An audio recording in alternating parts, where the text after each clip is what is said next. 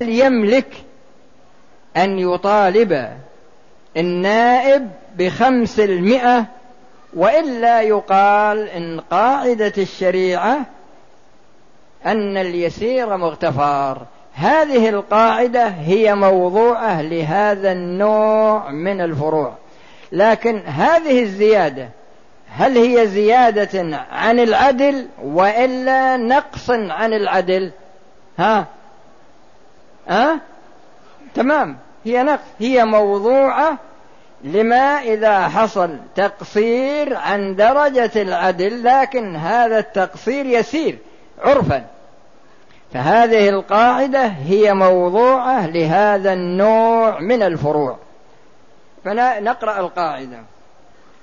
من سومح في مقدار يسير فزاد عليه فهل تنتفي المسامحة في الزيادة وحدها أو في الجميع؟ يعني باعها مثلا بخمس وأربعين ألف. ما باعها بتسعة وأربعين؟ يعني لو باعها يعني في في مقدار اليسير المغتفر ما في إشكال. لكنه زاد على اليسير المغتفر.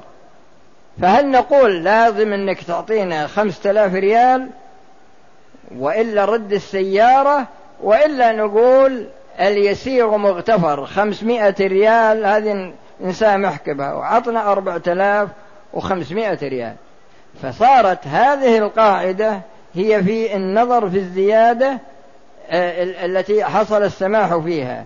إذا زاد عليها إذا زاد عليها فهل يقال إن هذه الزيادة يضمنها هو مع اليسير المغتفر؟ أو يقال إنه يضمنها دون اليسير المغتفر. وقاعدة الشريعة أن اليسير المغتفر إذن الشارع فيه في حدوده فقط. لكن لما حصل تعدي عن اليسير المغتفر دخل اليسير المغتفر في هذا التعدي فيضمن الجميع يضمن الجميع.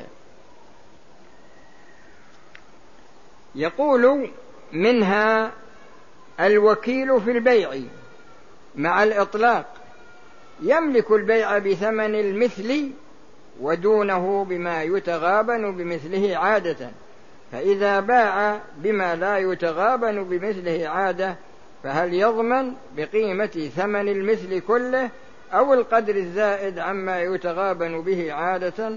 كما كما ذكرت لكم يعني هل يعني هل يضمن الزيادة دون ما سومح فيه لو باع مقتصرا عليه؟ لو باع مقتصرا عليه لكن لما زاد عليه فهل نضمنه الزيادة وما, وما ومحل المسامحة؟ نعم يعني مقتضى قواعد الشريعة أنه يضمن الزيادة ويضمن أيضا ما تسومح فيه لو اقتصر عليه لكنه لم يقتصر عليه. وهكذا سائر الأمثلة. القاعدة التي بعدها. إذا خرج القاعدة الثلاثون. إذا خرج عن ملكه مال على وجه العبادة. إذا خرج عن ملكه مال على وجه العبادة ثم طرأ ما يمنع إجزاءه والوجوب فهل يعود إلى ملكه أم لا؟ إذا خرج عن ملكه مال على وجه العبادة ثم طرأ عليه ما يمنع إجزاءه والوجوب فهل يعود إلى ملكه أم لا؟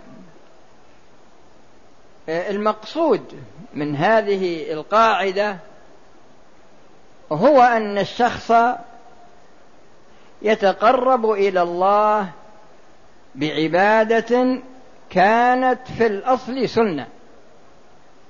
كانت في الأصل سنة. أو كانت في الأصل واجبة. قسمان. كانت في الأصل سنة أو كانت في الأصل واجبة. هذه العبادة عينها عين أضحية عين هديا في الحج في حالة التمتع أو في حالة القران لأن المتمتع عليه هدي والقارن عليه هدي. وهذا بخلاف المفرد فإن المفرد في الحج ليس عليه هدي. فمن تمتع بالعمرة إلى الحج فما استيسر من الهدي. فمن لم يجد فصيام ثلاثة أيام في الحج وسبعة إذا رجعتم. لكنه عين هديا. هذا الهدي طرأ عليه ما يمنع إجزاءه. طرأ عليه ما يمنع إجزاءه. انكسرت رجل الأضحية ولا انكسرت رجل الهدي؟ بعير ولا بقرة وإلا غنمة. صار فيه صار معيب. صار معيبا. في هذه الحال هل نقول إنه يرجع إلى ملكه؟ يتصرف فيه كما يتصرف في سائر ملكه. وبعد ذلك إذا كان الشيء واجبا عليه يأتي ببدله. إذا كان واجبا عليه يأتي ببدله. أو نقول إنه لا يعود إلى ملكه. فهذه القاعدة هي موضوعة لهذا النوع من الفروع. فمن ذلك إذا أوجب هديا وأضحية عن واجب في ذمته عن واجب في ذمته ثم تعيبت فإنها لا تجزي وهل يعود المعيب إلى ملكه على روايتين يعني إن في خلاف لكن مقتضى قواعد الشريعة ما دام يبي يتعين عليه البدل فقواعد الشريعة تقتضي أن هذا الشأن أن هذا المعيب يرجع إليه ويعين بدله ويأتي بماذا؟ ويأتي ببدله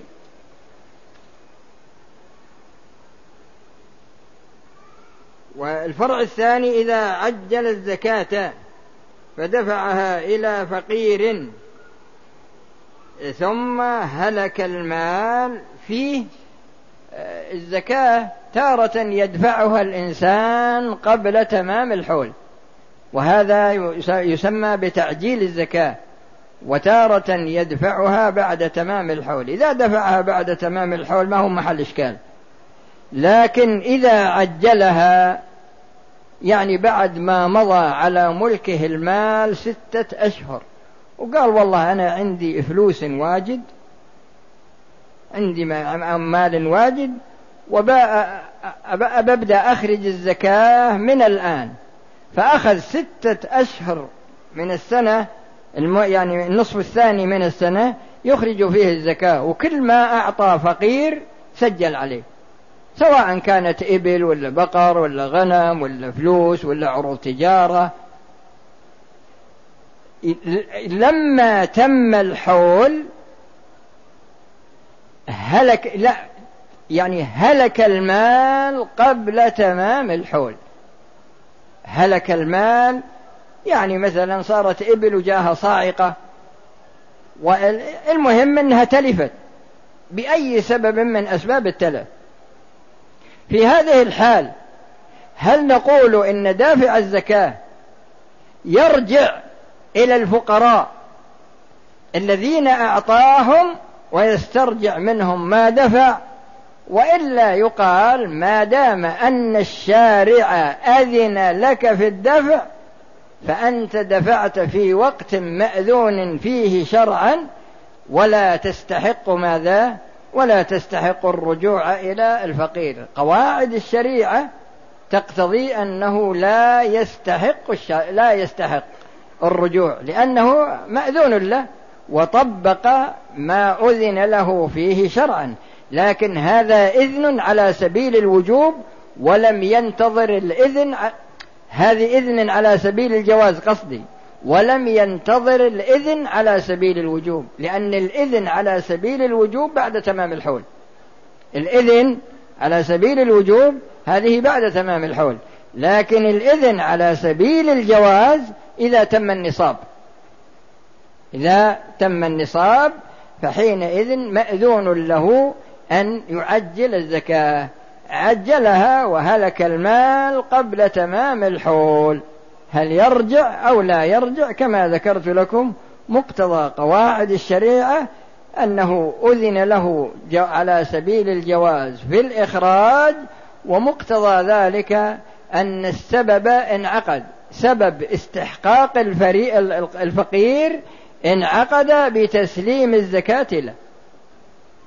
وسبب الإخراج انعقد بالنظر إلى إذن الشارع للمخرج. فعندنا إذن في الإخراج وعندنا إذن في الأخذ. وما دام أن الشارع أذن لك أن تخرج وأذن للفقير أن يأخذ لأنه لم يأخذها سرقة ولا غاصب ولا ظلم ولا أخذها لأنها زكاة وهو من من الأصناف الثمانية. فمقتضى قواعد الشريعة كما ذكرت لكم أنه لا يستحق الرجوع. وبهذه القاعدة ينتهي هذا الدرس. شوف مرسمة. يعني وقفنا على القاعدة الحادية والثلاثين. تكون إن شاء الله إذا أحيانا الله مبدأ الدرس في السنة القادمة في أول العطلة كم اليوم؟ أه؟ كم اليوم؟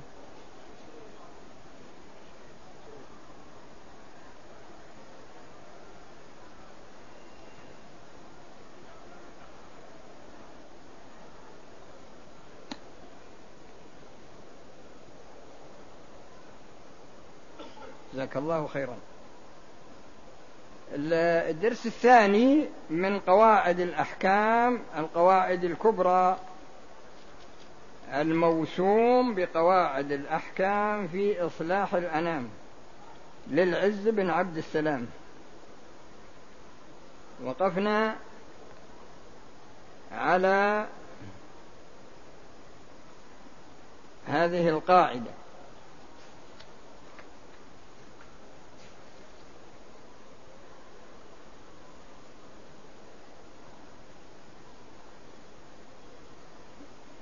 يقول رحمه الله فصل في بيان أن الأسباب الشرعية بمثابة الأوقات. في بيان أن الأسباب الشرعية بمثابة الأوقات. أبين لكم هذه القاعدة أولا وبعد ذلك ندخل في الكلام الذي ذكره.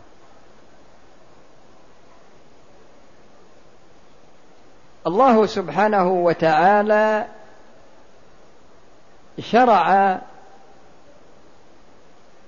أسبابا.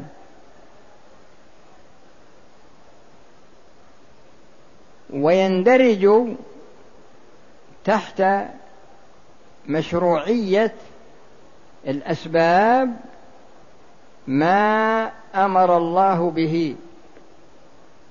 ما أمر الله به. ولا فرق في ذلك بين ما أمر الله به اعتقادا أو أمر به قولا أو أمر به فعلا. وهكذا الكف لأن الكف أيضا فعل على القول الصحيح من أقوال أهل العلم في هذا الشأن. فهذه يقال عنها إنها أسباب شرعية. الكف عن المحرمات هذا سبب شرعي. و و والأمر بالصلاة بالزكاة بالصيام جميع المأمورات سواء كان ذلك على سبيل الوجوب أو كان ذلك على سبيل الندب. والكف أيضا سواء كان الكف عن محرم أو كان الكف عن مكروه أو كان الكف عن مكروه. فهذه كلها يقال عنها إنها أسباب شرعية. وكلمة أسباب شرعية يعني مشروع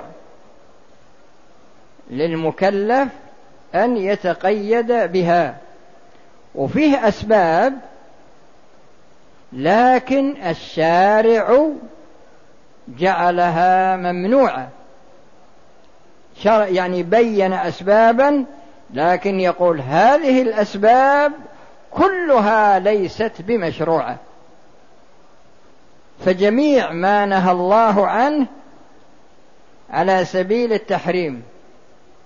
هذا سبب غير مشروع. وهكذا الكف عن فعل الواجب. هذا سبب غير مشروع. أما الكف عن المندوب الكف عن المندوب هذا الشارع أذن في فعل المندوب وتركه لكنه جعل تركه أو جعل فعله أولى من تركه. مثل الآن الرواتب رواتب الصلوات ومثل الآن صلاة الليل ومثل الوتر ومثل هذه كلها مشروعة لكن ليست على سبيل الحتم كالصلوات الخمس. ولهذا المندوب ما يثاب فاعله ولا يعاقب تاركه قصدا مطلقا. ما يثاب فاعله ولا يعاقب تاركه قصدا مطلقا. المكروه الشارع أذن في فعله وتركه ولكن جعل تركه أولى من فعله. فإذا فعله الإنسان لا يعاقب عليه ولكنه إذا تركه قصدا فإنه يثاب على تركه. فإنه يثاب على تركه. أنا غرضي هو أن الشخص يتنبه إلى أن فيه أسباب مشروعة وفيه أسباب ممنوعة. وفيه أسباب ممنوعة. هذه الأسباب تترتب عليها مسبباتها. هذه الأسباب تترتب عليها مسبباتها. دنيوية فقط أو أخروية فقط أو مركبة من من من المسببات الأخروية والمسببات الدنيوية. نجيب مثال ولا مثالين؟ مثلا يقول الله جل وعلا إن الصلاة تنهى عن الفحشاء والمنكر. هذا يدلنا على أن الصلاة فيها مصلحة دنيوية. وفي الآية الأخرى ما سلككم في سقر قالوا لم نك من المصلين. والحديث الآخر العهد الذي بيننا وبينهم الصلاة فمن تركها فقد كفر. وآية البراءة التائبون العابدون الحامدون السائحون الراكعون الساجدون الآمرون بالمعروف لكن هنا الراكعون الساجدون. وفي آية الأحزاب إن المسلمين والمسلمات والمؤمنين والمؤمنات والقانتين والق... إلى غير ذلك. رتب الله أجرا في الآخرة على امتثال المأمور وترك المنهي ورتب عقابا في الآخرة على ترك المأمور وفعل المنهي. في الدنيا تجد أيضا الحدود حد الزنا وحد شرب الخمر وحد قاطع الطريق وحد المرتد إلى آخره. هذه تجدون أنها عقوبات محددة دنيوية؟ والقصاص وقطع, وقطع اليد وما إلى ذلك. التعزيرات كلها الموجودة في الشريعة هذه تجدون أنها أمور معجلة؟ فالمقصود هو أن الأسباب تترتب عليها مصالح الأسباب المشروعة.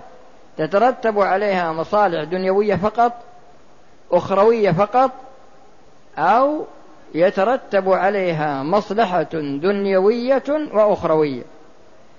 المفا... الأسباب غير المشروعة يترتب عليها مصلحة دن... مفسدة دنيوية مفسدة أخروية أو يجمع الله جل وعلا بينهما.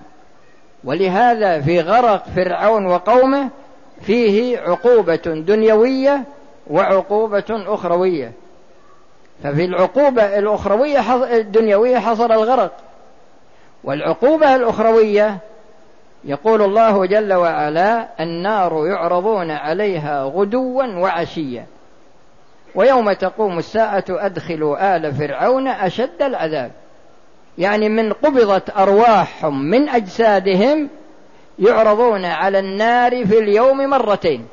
مرة صباحا ومرة مساء. النار يعرضون عليها غدوا يعني صباحا. وعشيا يعني آخر النهار. إلى أن تقوم الساعة. فإذا قامت الساعة يقول الله يقدم قومه اللي هو فرعون. يصيرون خلفه وهو إمامهم إلى النار. يقدم قومه يوم القيامة فأوردهم النار وبئس الورد المورود. وأتبعوا في هذه لعنة ويوم القيامة بئس الرفد المرفود. فالغرض أن الأسباب الأسباب الشرعية كما ذكرت لكم والأسباب غير الشرعية كما ذكرت لكم. هذا جانب إيضاحي للقاعدة. الجانب الثاني عندنا مواقيت مواقيت مكانية. مثل الآن الطواف على البيت. لا يمكن أن تطوف على بقعة من الأرض كما تطوف على البيت. السعي بين الصفا والمروة هذا هذا ميقات مكاني. لا يمكن أن تقترح مثلا مثل مثل ما يقولون في بلد ما مصلحين مثل الكعبة ومصلحين مثل المسعى ومصلحين لكن هم يقولون إنهم يدربون الناس وهذا غلط. هذا غلط لأن مع مرور الزمان وموت الطبقة الأولى والطبقة الثانية والثالثة من الناس قد يقال مثلا أن هذا ما فعلوه إلا لأنه يغني عن الحج. ومثل الحين اللي حاطين محلات في بلدانهم تصير مزارات وتصير محلات يطوفوا يطوفون على القبور. طبعا هذا كله قد قد يقترن بما يجعله شركا أكبر وقد مثلا يكون وسيلة من وسائل الشرك. آه، رمي الجمار. لا يمكن أنك مثلا تقترح مكان تقول الأمكنة الموجودة الآن ضيقة وسعوا على الناس. شو اللي تحصرونهم في هالمكان؟ حطوهم في بر وابنوا لهم أحواض وخلوهم مثلا يرمون. شو اللي تضيقون على الناس؟ فهذه مواقيت مكانية. ومثل الوقوف بعرفة الحج عرفة. يعني ممكن واحد يجي ويقف في غير عرفة في أيام الحج ونقول تم حجه؟ لا. المقصود إن فيه أمكنة جعلها الشارع مواضع للعبادات لا يغني عنها غيرها. لا يغني عنها غيرها. إيه، نفس الشيء جعل مواقيت زمانية مثل زمن الحج. هل ممكن إن واحد يقول وشو لا تضيقون على الناس وتخلونهم يجون في أسبوع؟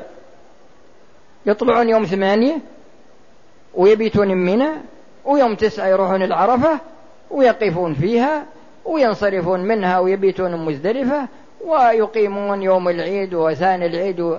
و... ويوم 11 ويوم 12 لمن تعجل وثلاثة عشر لمن لم يتعجل ورا ما تخلون طول السنة تصير حج. من طرى عليه يجي يحج والحمد لله وش فيه؟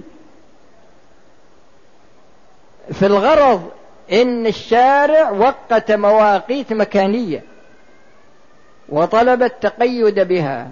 وطلب مواقيت زمانية وطلب التقيد بها بما أنه رتب مواقيت زمانية وطلب التقيد بها ورتب مواقيت مكانية وطلب التقيد بها فكذلك الأسباب الشرعية هي بمثابة الأوقات لها.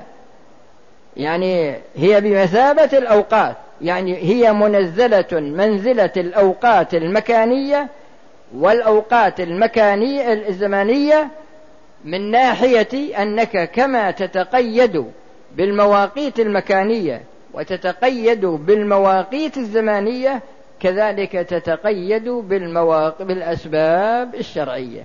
يعني تتقيد بها من ناحية أن ما نظر فيه إلى فعل المكلف إلى الفعل من المكلف. ما نظر فيه إلى أن الفعل لا بد أن يكون من المكلف هذا يكون المقصود منه التعبد منك أنت وهذا هو الذي لا تدخله النيابة في الشريعة الإسلامية. وإذا كان المقصود هو الفعل بصرف النظر عن الفاعل فهذا هو الذي تدخله النيابة الشرعية. فحينئذ عندنا أسباب بمثابة المواقيت الزمنية وبمثابة المواقيت المكانية يتقيد بها الشخص في حد ذاته.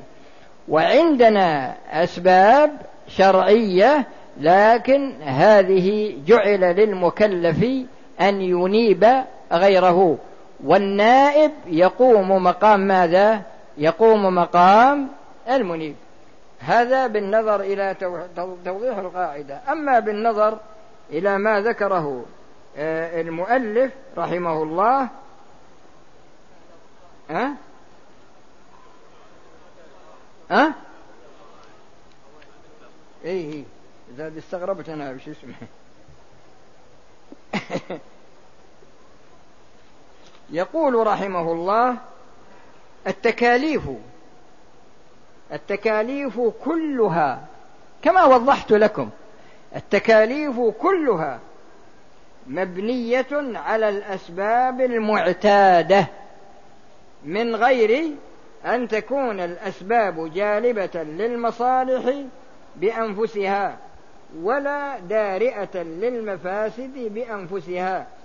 يعني يقول أنت مأمور بفعل الأسباب. والذي شرع الأسباب من هو؟ ها؟ طيب.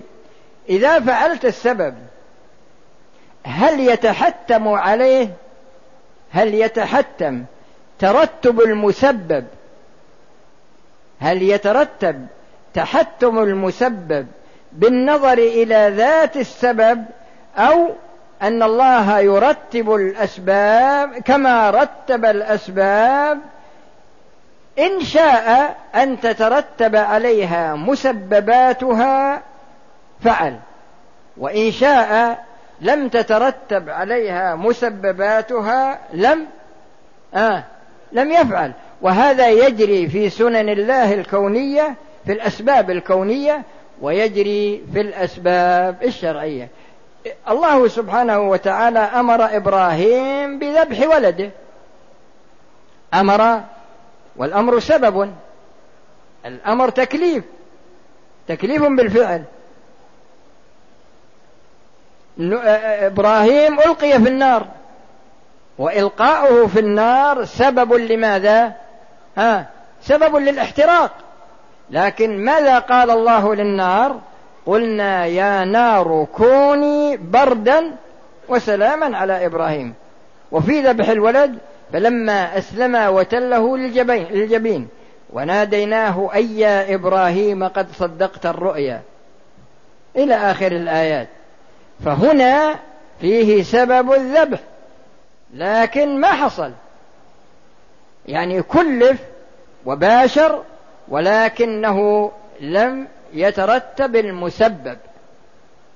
وفي النار أحرق. في قصة وذنوني.